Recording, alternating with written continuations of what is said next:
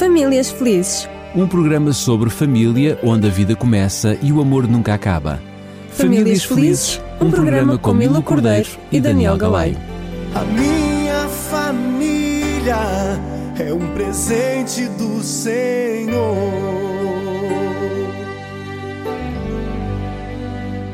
Cá estamos de volta para mais um Famílias Felizes. É com prazer que tenho no estúdio a Milu Cordeiro. Milu, mais uma vez, obrigado. Olá, Daniel, um abraço para ti, um abraço para os nossos estimados ouvintes e que bom é podermos estar mais uma vez. Deus nos dá esta oportunidade de abrirmos a Sua palavra e mais uma vez poder tirar um ou outro ensinamento de famílias que outrora viveram antes de nós e que nos deixaram estas lições para, para podermos ser sábios. E sábios não são aqueles que não erram, mas são aqueles que aprendem com os erros dos outros. É isso e mesmo. então estamos aqui para ver se crescemos um pouquinho e se aprendemos um pouco O mais. pior é quando tivermos que aprender com os nossos próprios erros. É, e dói mais. Dói e mais, dói mais.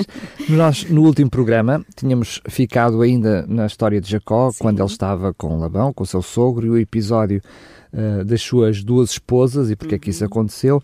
Agora chegamos à altura de tudo ter terminado Uhum. e Jacó está prestes uh, a ir embora Exatamente. para a sua própria, constituir a sua própria família, enfim, Uhum. uh, já pagou tudo o que tinha a pagar, até com Exato. muitos juros, mas não vai ser um processo fácil. Não vai ser um processo fácil, eh, Daniel, e nós vamos ver aqui eh, na parte que hoje vamos recordar, que são os capítulos 31 a 33 de Gênesis, que eh, é, é, é muito fácil surgirem as dificuldades e os desafios no seio da família. Então nós vamos ver se até agora, eh, para além de Jacó e Isaú, portanto os dois manos que noutros programas nós falamos, eh, que se desentenderam e houve todo aquele engano e tudo isso, e daí Jacó também estar a viver na própria vida dele, se calhar consequência, se calhar não, seguramente a consequência daquilo que próprio, que ele próprio havia feito. Deixa-me só dizer isso, é que tu disseste outros dois irmãos, mas o Jacó é um desses irmãos. Exa- portanto, Os outros dois irmãos, que é Jacó e Isaú, Exatamente. exatamente. E vamos ver aqui que também da parte do seu sogro e, portanto, em relação aos seus próprios cunhados, vão haver aqui algumas dificuldades e vamos falar um pouquinho sobre isso. Por isso é que logo o capítulo 31 de Gênesis começa por dizer que hum, Jacó ouviu os comentários dos filhos de Labão, ou seja, os seus próprios cunhados começavam a lançar assim uns comentários, a fazer umas palavras que se calhar Jacó não foi tão honesto assim em relação aos ganhos que tinha tido, porque recordas-te, no último programa nós vimos isto, ele fez um acordo com o seu sogro, ele disse, olha, então para eu pelo menos ter alguma coisa para mim, visto que todos estes anos eu trabalhei para ti, então tu escolhe as ovelhas que queres, eu também, desde as listadas como as manchadas, e aquelas que tu escolheres, ficas tu com elas. As que então ficarem para mim, dessas, então eu começarei a fazer a minha ou própria seja, eh, da- despensa, das não é? crias que ainda deveriam de de nascer, nascer. aquelas que, que fossem listadas seria, por exemplo, Exatamente. para um e as outras seriam para o outro. Exatamente. Mas, como vimos também até aqui no programa Isso. anterior, eh, Deus sempre abençoou Jacó. E muito. não, eh, não foi eh, por causa deste acordo que Deus deixou de abençoar Jacó. Pelo Exatamente. contrário, só que quem não conhece a Deus Ora começa a desconfiar, não é? Ora bem, a desconfiança, depois é no sentido a inveja, porque acaba-se por ver que os outros parecem estar a ser mais abençoados do que nós, e os filhos de Labão começaram realmente a lançar alguns comentários, dando a entender que se calhar Jacó não tinha sido honesto, não tinha sido fiel no, eh, no pacto que havia feito com o seu pai Labão.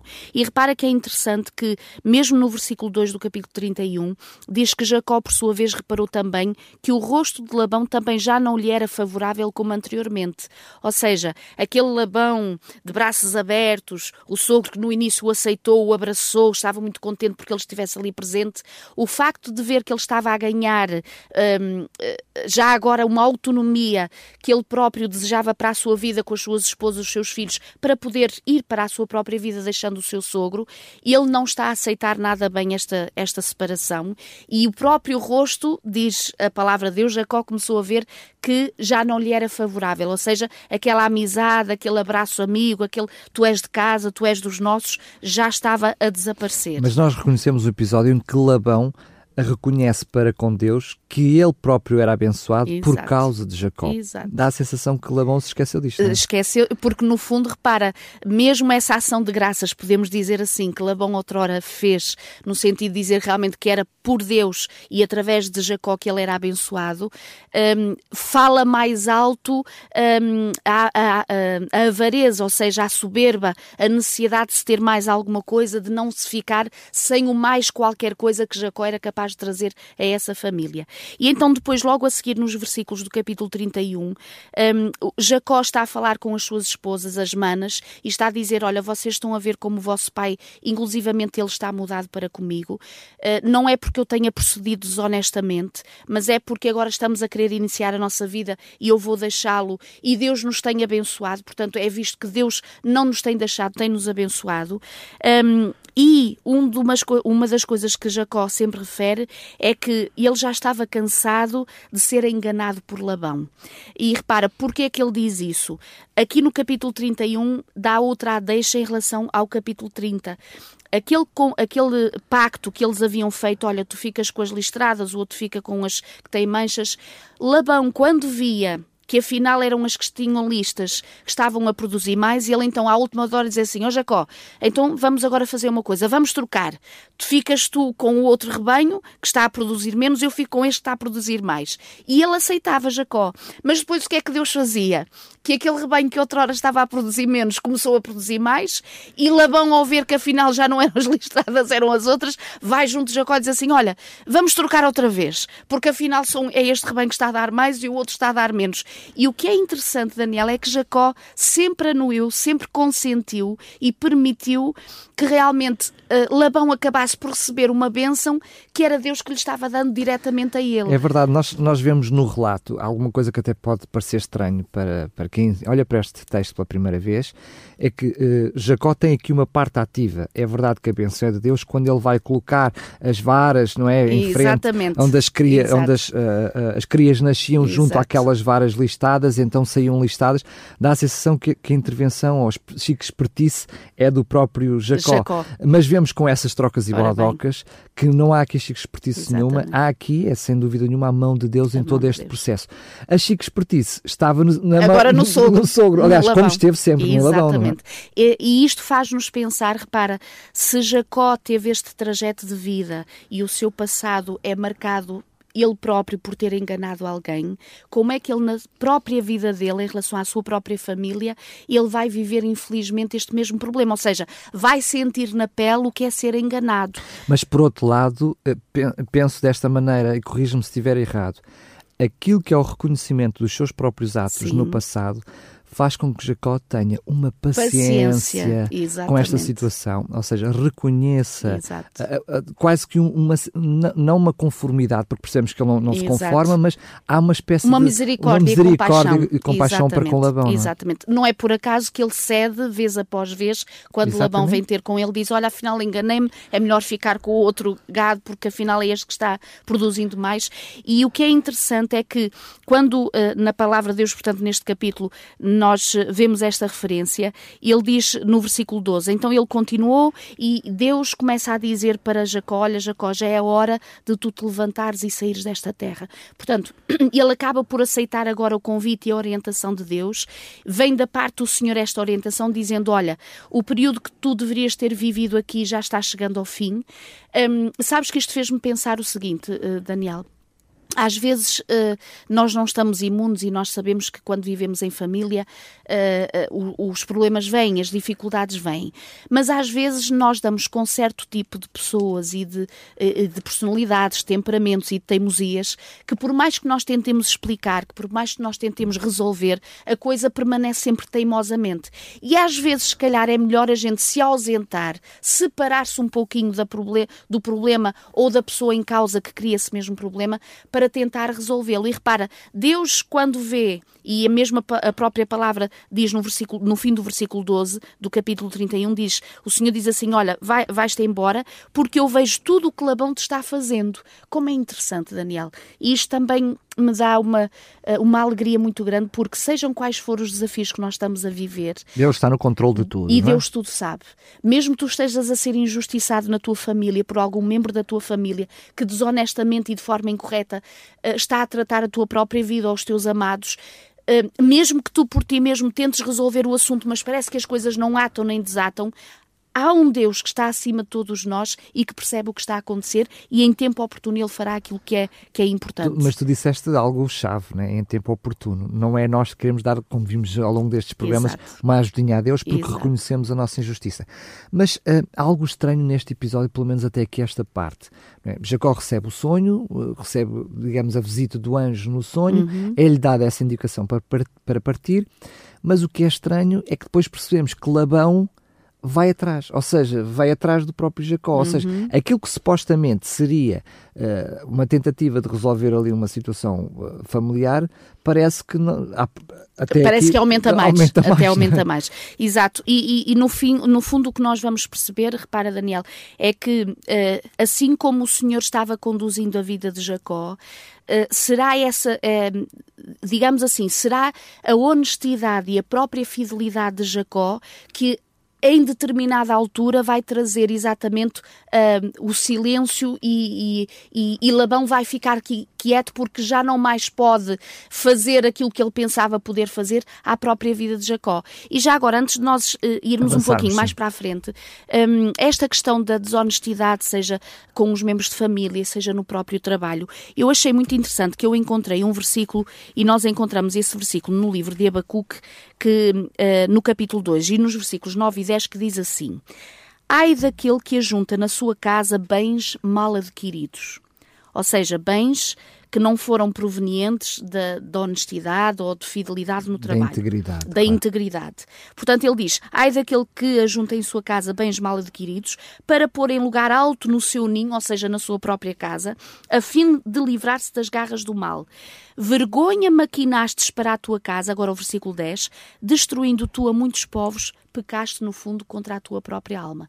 Ou seja, aquilo que nós fizermos dentro da nossa casa, e repara, Labão o que é que estava aqui a querer fazer, às custas de Jacó, continuar a rechear os seus próprios a celeiros, prosperar, é? a prosperar, de forma desonesta, ele estava a trazer para dentro da sua casa, de forma a elevar o seu próprio ninho, o seu lar de riqueza, mas às custas da fidelidade do seu próprio genro.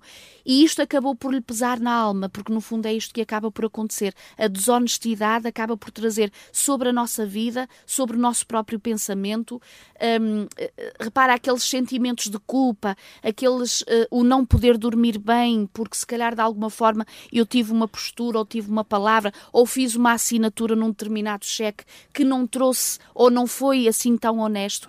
E isto é uma realidade, uh, Daniel. Infelizmente, hoje muitas famílias vivem também este grande problema de, uh, às vezes, até há chefes de família que nem comentam isto com as suas esposas, porque estão a viver, se calhar, para além da sua própria possibilidade. Um, ainda foi semana passada, eu recebi um telefonema um, de um jovem amigo. Eu já não ouvia, já não via nem o ouvia há muitos anos. Nós crescemos juntos lá em cima no norte, uh, mas ele telefonava-me num momento muito angustiante da sua vida. Ele dizia-me: Olha, Milu, eu foste a pessoa que eu me lembrei hoje para poder ligar. Eu estou muito angustiado. O meu trabalho não está a correr nada bem. Eu lancei-me sozinho como empresário. Tenho muitas dívidas nas minhas costas. Ninguém da minha família sabe. Tu és a primeira pessoa que eu estou a contar. Repara quantas pessoas estão a viver grandes fardos sobre si, porque em momentos-chave não tiveram as melhores escolhas, não foram sábios para tomarem as melhores decisões. E ou, a família... ou também assumir o risco sozinhos. E é? assumirem é? os riscos sozinhos, e as famílias acabam por levar por tabela, porque isto é mais do que inevitável, por tabela as próprias consequências destas posturas e destes atos desonestos. Então repara, aqui está Labão a tentar realmente mais uma vez fazer mal, portanto, viver às custas de, das bênçãos de Jacó e é quando o Senhor então lhe diz: Olha, levanta-te, o que havia para fazer está feito, vai e vai para outra terra, vai para a terra dos teus pais. Sabes que eu também, ao, ao reler este, esta passagem, é interessante quantas vezes Deus diz ao seu povo: Levanta-te e vai. Já Abraão, na altura, olha, levanta-te, sai da terra da tua parentela, vai, às vezes sem saber para onde, o Senhor pega no povo de Israel e diz: Olha, saiam daqui, levantem-se e vão. Ou seja, quantas vezes o Senhor interpela-nos para uma mudança de vida, quando às vezes o que nós mais queremos é a conformidade e o comodismo na vida. Estás o a ver? O e, conforto. E neste caso concreto até se aplica, não é? Porque tu falas na questão de Abraão, Abraão ia sair do conforto Isso. à procura de, do desafio da sua vida. É Exato. É verdade com, com as promessas de Deus. Mas aqui Jacó tem um problema acrescido. É porque este volta para casa Isso. dos teus pais, é, atenção, ainda tens Há um problema coisa... por resolver, exatamente, não é? Exatamente, exatamente. Um, e, e sabes, Daniel, é interessante que Deus Deus sempre orienta a nossa vida para resolvermos coisas que ainda não tínhamos resolvido. Não é porque o Senhor seja masoquista e queira o nosso mal, a dizer, é olha, contrário, é? é o contrário. É exatamente porque Ele sabe que estes pesos, estas coisas não resolvidas na nossa vida começam a fazer-nos mal, tanto psicologicamente como fisicamente, que o Senhor volta e meia a criar as oportunidades e circunstâncias para nos fazer um alerta, dizer, olha, será que aquele problema com o sogro, com a sogra, com a filha, com o marido, com a mãe, com o patrão, com o empregado, que seja o vizinho, será que está resolvido? E nós muitas vezes com o correr do dia a dia queremos ver se essas coisas vão ficando para trás e se ficam lá esquecidas algures. Elas podem ficar amontoadas, mas não ficam resolvidas. E quando estão amontoadas, criam-nos o peso exatamente a ansiedade, o sentimento de culpa, o desespero, a angústia, às vezes aquilo que é hoje comumente falado e dito as crises de pânico, não é? Aqueles momentos em que as pessoas não sabem muito bem o que é que está ali em causa, no fundo podem ser estes sentimentos, estas experiências que não são atempadamente resolvidas e vão causando exatamente estes distúrbios e todos estes problemas. Então repara, 20 anos depois, 20 anos depois, Jacó já tinha saído, portanto, da casa dos seus pais, quando houve aquele problema, portanto, com o seu irmão. 20 anos porquê? Porque 14 anos foi no sentido de servir as, pelas duas filhas, sete anos por cada uma, não é? Quer ser, ele queria só por uma, não é? Mas a, a, o engano, exatamente, como nós já contamos no outro programa, e mais seis anos uh, uh, em relação àquele contrato que ele disse: olha, então uh, vamos ver, eu fico mais seis anos para tu teres mais algumas bênçãos, poderes ficar com mais alguma coisa, e então finalmente, 20 anos depois, Jacó decide poder partir com as suas esposas, os seus filhos, para a casa dos seus pais. E então é aqui que começa, a partir do capítulo 32, esta jornada de regresso ao passado. Como tu disseste muito bem, de ir ao encontro daquilo que ainda ele não sabia se estaria ou não resolvido, mas que ele temia sem dúvida, porque as últimas palavras que ele tinha ouvido da parte da sua mãe era: Olha, vai-te embora. Lembremos foge. que ele chega aqui exatamente porque vem fugido. Exatamente. É, é, verdade que tu disseste, não sabe se está resolvido ou não, porque ele não lia na mente exatamente. do irmão. E nunca mais o encontrou. Nunca mais o encontrou. Mas percebemos pela reação que ele vai ter a seguir, a preocupação de, de, de mandar bens, mandar isso, à frente, isso. que ele tem consciência que resolvido de todo não está. Isso, não. isso. Portanto, ele ainda tem algum receio. Mas o que é maravilhoso nisto tudo é que humanamente seria natural eh, este homem perguntar a Deus: Mas Senhor, então eu agora já tenho mulher, já tenho uhum. família, já tenho os meus bens, vou-me meter atrás outra vez na confusão.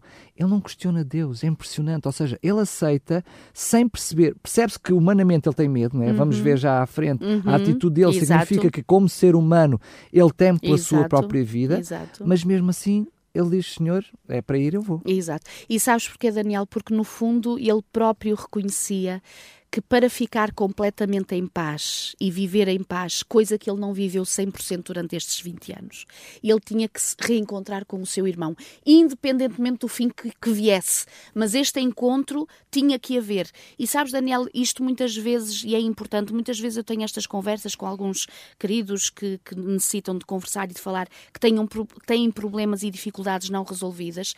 E é interessante como há uma tentativa quase comum humana a todos, que é ver se nós conseguimos resolver o assunto sem falar com a pessoa. E isto é, é, muito complicado. É quase meter a uh, fazer como a avestruz, isso, né? ter a cabeça isso, ou seja, eu, eu até quero que, que resolver o assunto, eu até quero recuperar a minha paz, mas senhor, mas que eu não tenho aqui falar com a pessoa. Ou seja, não queremos enfrentar o problema, nem queremos estar dispostos às, às, às, às consequências. Mas é curioso que ele sabe que vai enfrentar um problema, mas mesmo assim, reconhecendo que ele era o injustiçado, não quis deixar outro para trás, não é? Porque ele faz as pazes com Labão, ele Exatamente. faz um pacto com Labão, uh, deixa até testemunhas daquele Isso. pacto, ou seja, ele sabe que tem um problema para resolver, mas não quer deixar Sem outro dúvida. para trás. E aliás, e foi tão uh, correta a postura de Jacó, como sempre tinha sido, desde que ele convive com esta família, o seu sogro e todos os seus familiares da parte do sogro, que Labão acaba por reconhecer que realmente ele não tinha mais nada que devesse Exatamente. exigir ao seu genro. Uh, quando ele uh, ainda punha em causa, então tu levas-me as filhas e os netos, não, não me deixas beijá-los, não me deixas uh, despedir-me deles, porque é que tu foges? E ele não estava fugindo, ele estava querendo apenas e só reorientar a vida dele, mas também é verdade que tinha medo que Labão mais uma vez o obrigasse a ficar, mais uma, uma vez o impedisse a seguir a sua vida. Mas como tu disseste muito bem, quando ele segue para a casa dos seus pais, em relação ao seu sogro, em relação aos seus cunhados, as coisas ficaram todas resolvidas. Todos compreenderam que realmente era justo, mais do que justo, mais do que tempo, eles poderem partir e poderem, portanto, ir adiante com a sua, a sua própria vida.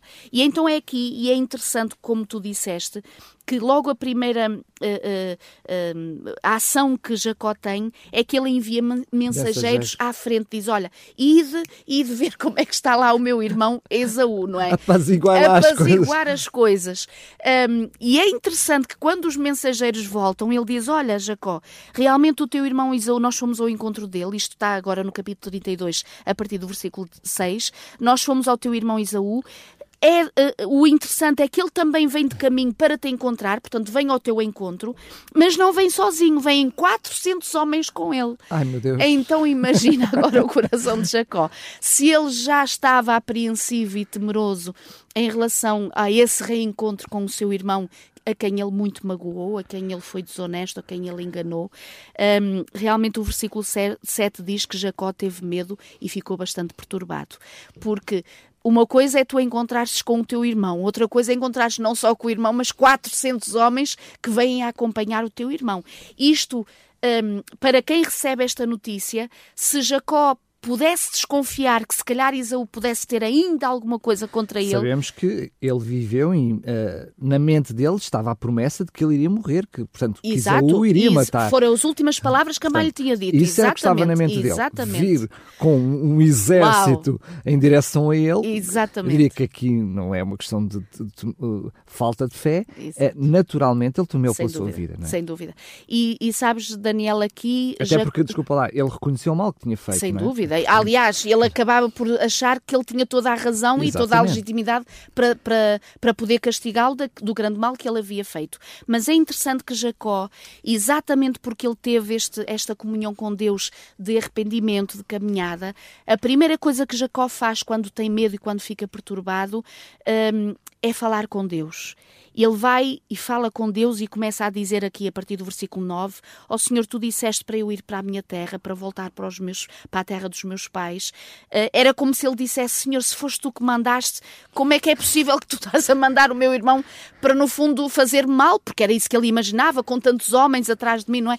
Que, que desafio é este, Senhor? Ou seja, ele começa a inquirir o Senhor, dizer, mas ao mesmo tempo a dizer: Bom, mas tu mandaste, Senhor, é porque se calhar vais-me proteger, se calhar até vais resolver as coisas. É aquela luta que todos nós temos quando o Senhor nos vai orientando na nossa vida. É questão, isto é que é mesmo a fé, não é? É isto É mesmo. viver pela fé. É viver pela fé. É tu estares atento aos sinais que Deus te vai dando, seres obediente à orientação de Deus, não porque tu temas, porque se fosse na humanidade, Jacó, quando ele sabia que o irmão aí vinha com os quantos ia exatamente no sentido oposto, portanto não ia de todo ao encontro dos irmãos, mas agora ele faz uma oração ao Senhor que é profundamente legítima, no versículo 11.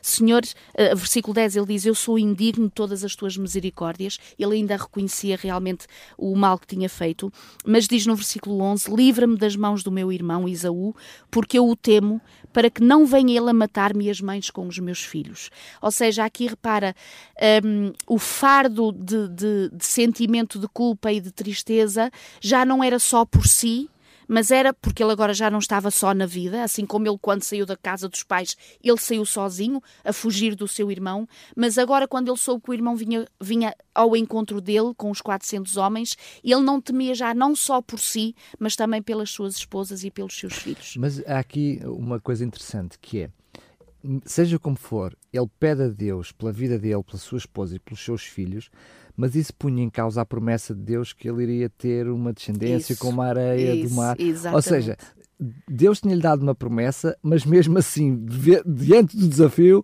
ele era como se dissesse assim: Ó Senhor, tu livra-me, como é que é possível? Tu dás-me, queres cumprir a promessa Exato. em mim e agora virei o meu irmão Temos que acabar com isto tudo. temos Olha, que sobreviver. Alguma coisa tem que ser É. feita. Mas sabes, Daniel, isto é a nossa humanidade. No fundo, é, é, é as sombras que o inimigo vai lançando sobre a nossa vida, eh, que nos angustia, que traz a dúvida, que nos questionamos, que estamos ali naquele será que, será que não.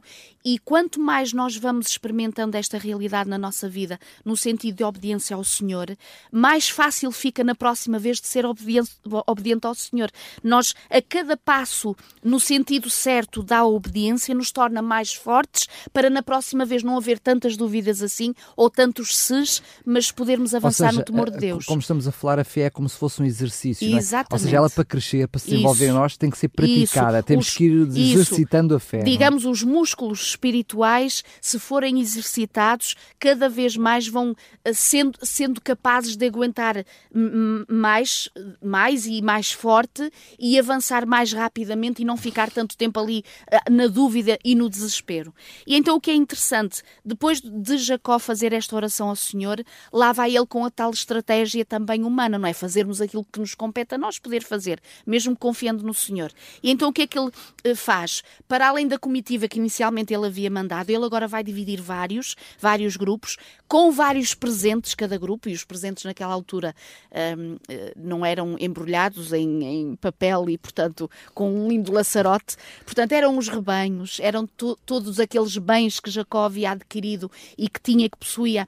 Ele dividiu os seus mensageiros em vários grupos e diz: Olha, o primeiro grupo vai e se Isaú vos encontrar e perguntar quem sois, vós dizeis que sois meus e que tudo isto é meu e que eu estou dando a ele para ver se apazigua o seu coração. Então imagina qual era a estratégia. Isaú, ao encontro que vinha de Jacó, ia encontrando não só o primeiro grupo, que já lhe dava uma grande oferta, depois mais E um- isso, aos, aos quilómetros X encontrava outro grupo que lhe dava outra oferta, para que quando finalmente chegasse perto de Isaú, o seu coração pudesse estar Sabes que sempre que eu li este relato, eh, ou, aliás, a primeira vez, porque depois de ler a primeira vez já não apanhava surpresa. Exato. Eu sempre pensei, será que ele no último grupo leva também um prato de lentilhas?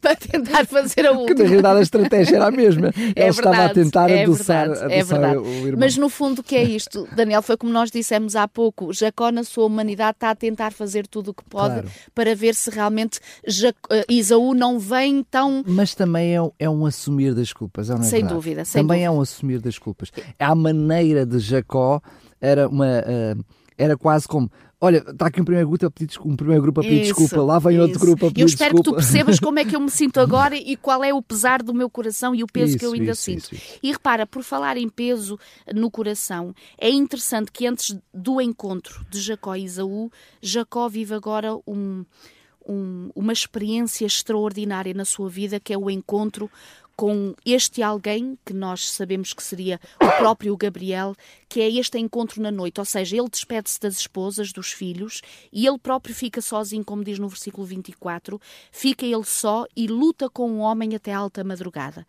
O que é que é isto, Daniel? No fundo é é verdade que isto aconteceu mesmo, portanto é literal, portanto foi uma questão física, um encontro com alguém que nós sabemos que era o próprio Deus que ali estava na pessoa de Jesus, lutando com o próprio Jacó. E quando Jacó, eh, esta pessoa lhe diz: Olha, deixa-me que eu tenho que me ir embora, e ele diz-lhe e faz-lhe esta, esta oração dizendo: Eu não te deixarei ir enquanto tu não me abençoares. No versículo 26. O que é que é isto? Não é nada mais, nada menos do que se havia ali algum restício, algum resto de eh, insegurança, de medo no de coração de Jacó, também, de é? culpa, Jacó quer que isto fique completamente limpo no poder de Deus. Ou seja, o que é que Jacó aqui dá a entender? Senhor, independentemente do que vá acontecer, quando eu me encontrar com o meu irmão, quer eu morra, quer eu viva, eu quero estar em paz. Em paz na reconciliação da certeza de que tu me perdoaste, de que realmente tu me perdoaste pelo grande engano que em tempos eu cometi ao meu irmão e também que me dês esta oportunidade de eu poder olhar olhos nos olhos a ele e pedir-lhe perdão de todo o meu coração. Sendo que uh, o relato não nos explica como é que de repente uh, Jacó fica sozinho. Uhum. Percebemos que Jacó toma a iniciativa. Ele diz que manda às mulheres e já fê-las passar o, outro, o ribeiro. Portanto, ele toma a iniciativa de ficar sozinho. Exatamente. Já não é a iniciativa de Jacó o encontro. Exato. O que significa claramente que Deus também conhecia Isso. o coração daquele homem, Isso. sabia o que ele precisava Exato. e é o mesmo connosco. Ou seja, uh, apesar de nós estarmos a ver o problema, Deus vem ao nosso Sem encontro. Uh, pode não ser no nosso tempo, né? uhum. né? mas Deus, no tempo certo, vem ao nosso encontro também para resolver Exatamente. o problema. Porque não é Jacó que vai encontrar esse Sem homem dúvida. e que vai procurar o anjo. Ah, ao contrário, exatamente. o anjo é que. Aliás, eu acredito perfeitamente quando Jacó sentiu necessidade de ficar sozinho, antes do tal encontro que ele ia ter com o seu irmão, foi para, para orar e falar com Deus. Ou seja, eu acredito sinceramente que ele precisou de um momento a sós para se reconciliar, para pedir perdão mais uma vez ao Senhor, misericórdia mais Até uma vez ao Senhor. para se encontrar consigo mesmo. Isso não? mesmo. E é quando Deus então lhe dá esta graça de realmente aparecer, de estar junto a ele, que na altura ele não tinha consciência de quem poderia ser, mas o que é certo é que nesta altura é aqui que vem a mudança do nome. Portanto, aqui há uma grande, eh, agora uma, uma, um virar de página nesta que seria a nação do povo de Deus, ou seja, Jacó, o próprio anjo lhe diz, já não mais te chamará Jacó, perguntou-lhe qual era o seu nome, ele diz, sou Jacó, ele diz, não mais te chamará Jacó, mas vais-te chamar Israel a partir de agora. Era como que, no momento em que mais duvidoso pudesse estar Jacó em relação ao seu futuro, uma confirmação é dada da parte de Deus que ele tem futuro, porque senão não seria Israel. Israel o que é que seria? Os descendentes que aí vão vir. Ou seja, tudo aquilo como eu prometi a Abraão que faria uma grande nação, que olhasse para as estrelas e que elas não seriam capazes de ser contadas como as areias do mar. Então aqui o Senhor, num momento de grande aflição da parte de Jacó, é o momento em que Deus dá a confirmação de que realmente ele continua com Jacó, está ali para o abençoar e está ali para o ajudar a superar exatamente as suas grandes dificuldades. E então o que é que acontece agora no capítulo 33? Diz que quando Jacó levantou os olhos, portanto, isto passou a noite toda, surgiu amanhã, e quando ele levanta os olhos, Jacó viu que Isaú se aproximava. Então ele vai organizar as suas esposas, vai organizar ali os seus filhos. Já agora, um, um à parte e um à parte e um parênteses, se algum uh, estimado ouvinte nos estiver a ouvir sem ter ouvido os programas anteriores, quando eu falo aqui de esposas, não é que isto seja, uh, segundo a vontade de Deus, legítimo mas eu estou a dizê-lo porque, infelizmente, Jacó havia copiado as nações que estavam à volta neste ritual que havia e nesta moda de ter mais do que uma esposa, e, portanto, foi não só porque também foi enganado que ficou com uma da parte do sogro, que era a filha mais velha de, de, de Labão, e depois ficou com aquela que ele sempre quis, a sua esposa de coração, podemos dizer assim, mas depois também aquela questão das próprias esposas dizer, olha, na toma as nossas servas. Na realidade, para... ele, tu, tu estavas a dizer que ele cumpriu aquilo que era uma norma, mas na realidade foi por iniciativa das próprias Sem esposas. Sem dúvida. E porque elas também viam que era isso que acontecia Com à volta certeza. e elas próprias quiseram fazer isso, não é? E portanto, quando eu digo aqui Jacó e as suas esposas, porque era esta a realidade, não que Deus estivesse de acordo, mas era esta a realidade das circunstâncias familiares de Jacó.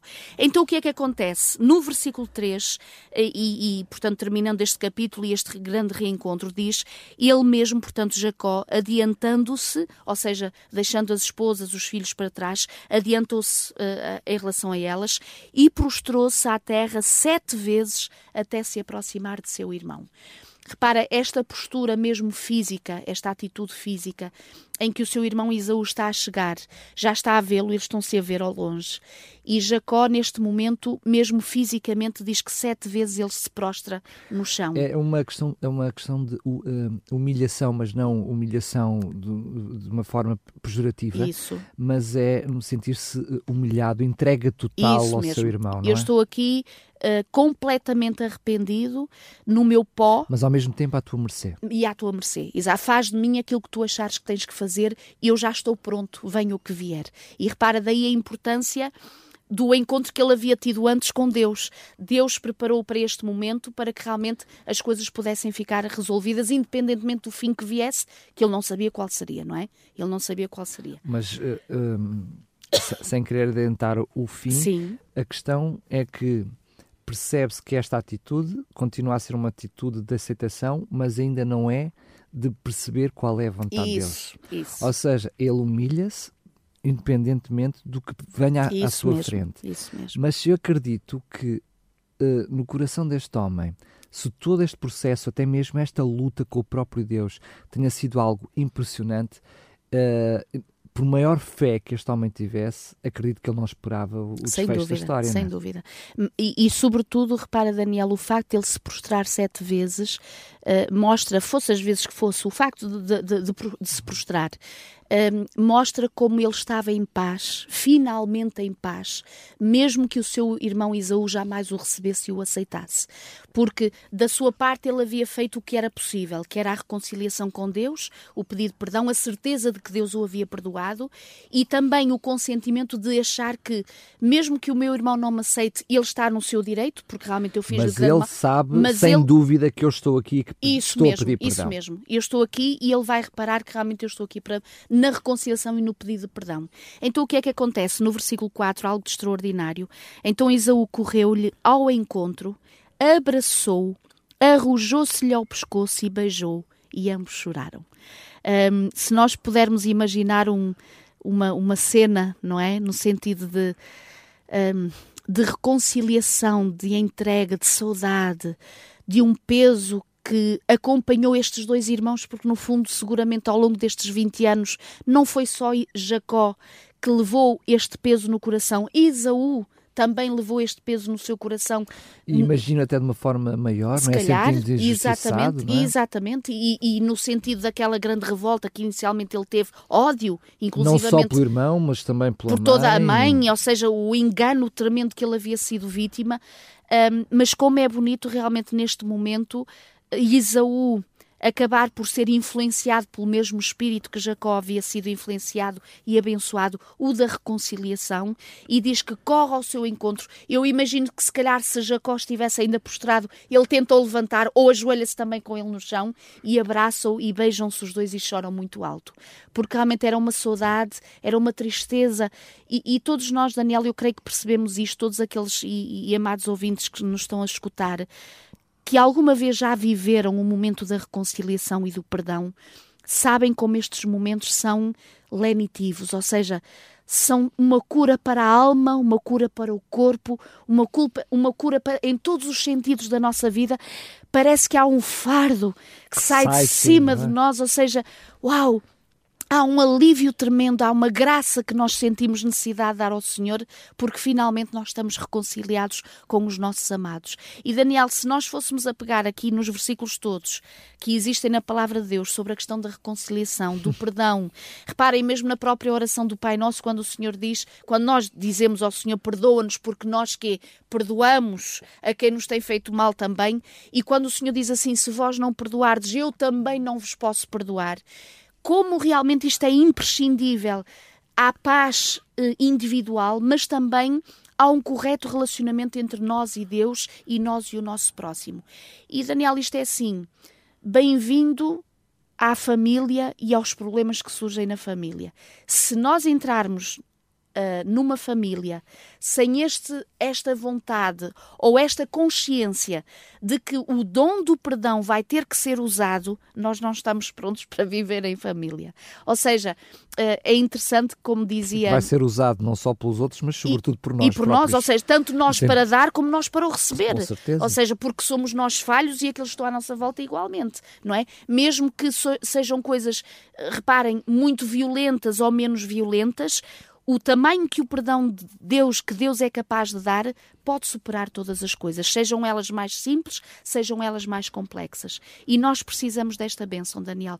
Quando o Senhor permite que relatos como este estejam na Sua palavra, de irmãos que ficaram separados 20 anos, não foram dois dias, foram 20 anos separados, com ressentimentos profundos, é? profundos que magoou profundamente um e outro nas suas vidas que só Deus sabe as lutas e, e, os sonos e noites de sono que perderam, porque se lembravam sempre dessa, dessa situação que não estava ainda resolvida.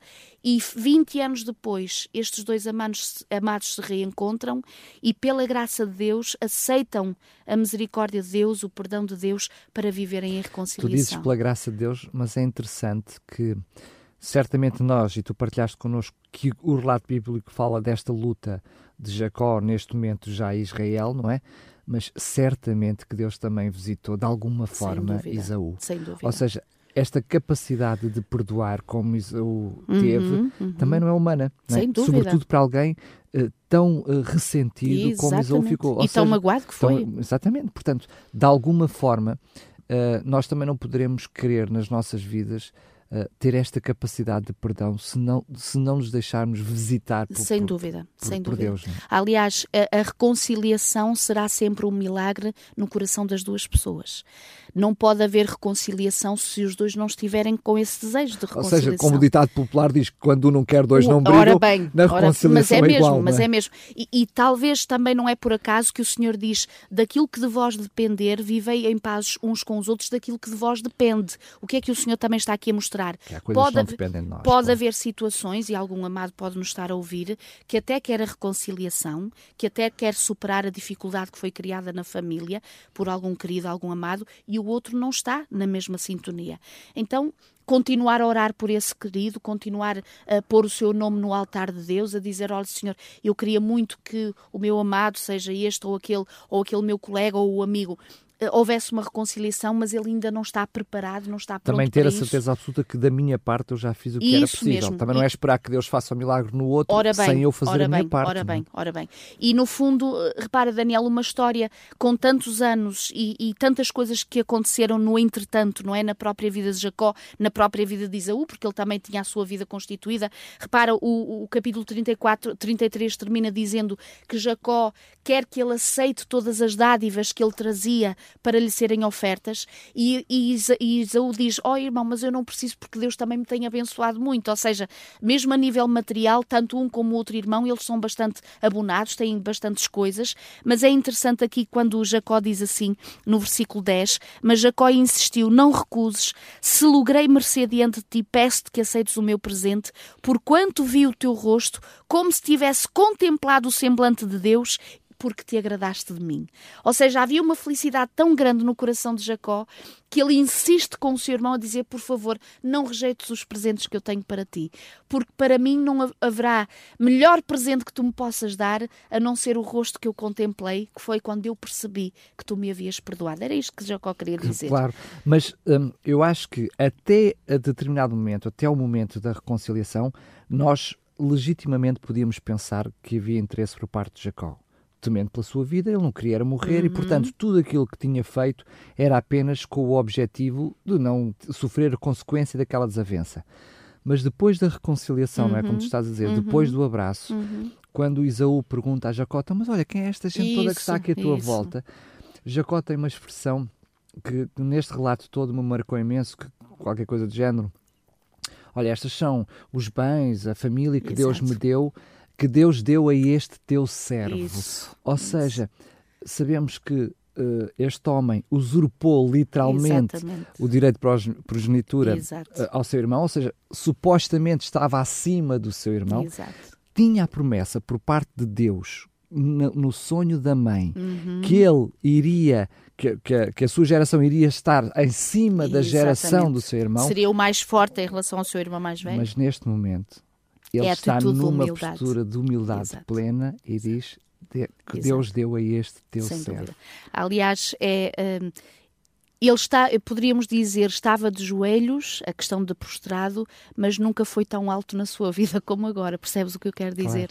Ou seja, hum, em todos os sentidos da sua vida, Jacó havia percebido hum, que realmente a reconciliação é um dom de Deus, que ele estava vivendo uma graça, uma alegria extraordinária, que ele próprio, quando dizia, falava com Deus, eu não sou digno, ou seja, ele reconhecia a sua indignidade, mas, mas ao mesmo tempo ele agradecia ao Senhor por tão grande bênção que lhe tinha concedido. E repara, Daniel, como é que termina o versículo 33, depois dele se ausentar, capítulo. Porque, uh, do capítulo 33, depois dele se ausentar, portanto, o irmão vai à frente para, para Siquém, portanto, que era a sua terra, ele diz, olha, não vou já porque há aqui ovelhas mais bebés, há meninos pequeninos que precisam de ser acompanhados e se nós caminharmos como adultos, eles de certeza que vão morrer. Repara, Jacó com uma sensibilidade tão grande para os mais pequenos, a, a, a afeição, a sensibilidade que Deus havia colocado no seu coração, dele perceber as necessidades até das crianças e das ovelhinhas mais pequeninas, de todo o seu rebanho mais pequenino.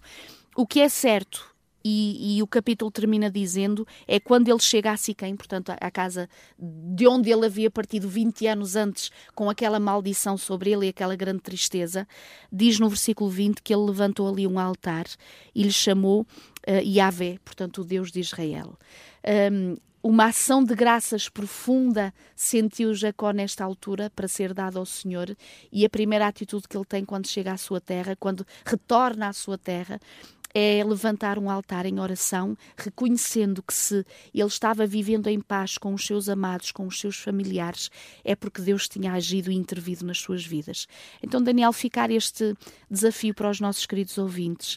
Se há alguém que tem algum problema, alguma dificuldade, alguma situação não resolvida com algum amado, Uh, não perder tempo para resolver isso, ou seja, orar ao Senhor, pedir que Deus o abençoe e o ajude tentar fazer a sua parte e acreditar pela fé que o Senhor vai adiante também trabalhar no coração do outro para realmente essa reconciliação ser feita e depois poder orar ao Senhor com gratidão e ação de graças, porque reconheceu e reconhece, e todos nós sabemos isso, que o perdão, a reconciliação é algo que nos faz tão bem em todos os sentidos da nossa vida que só pode ser mesmo um ato divino. É então que mesmo. o vivamos todos. Muito bem, Milu, foi muito bom. Mais uma vez te agradeço um por este programa.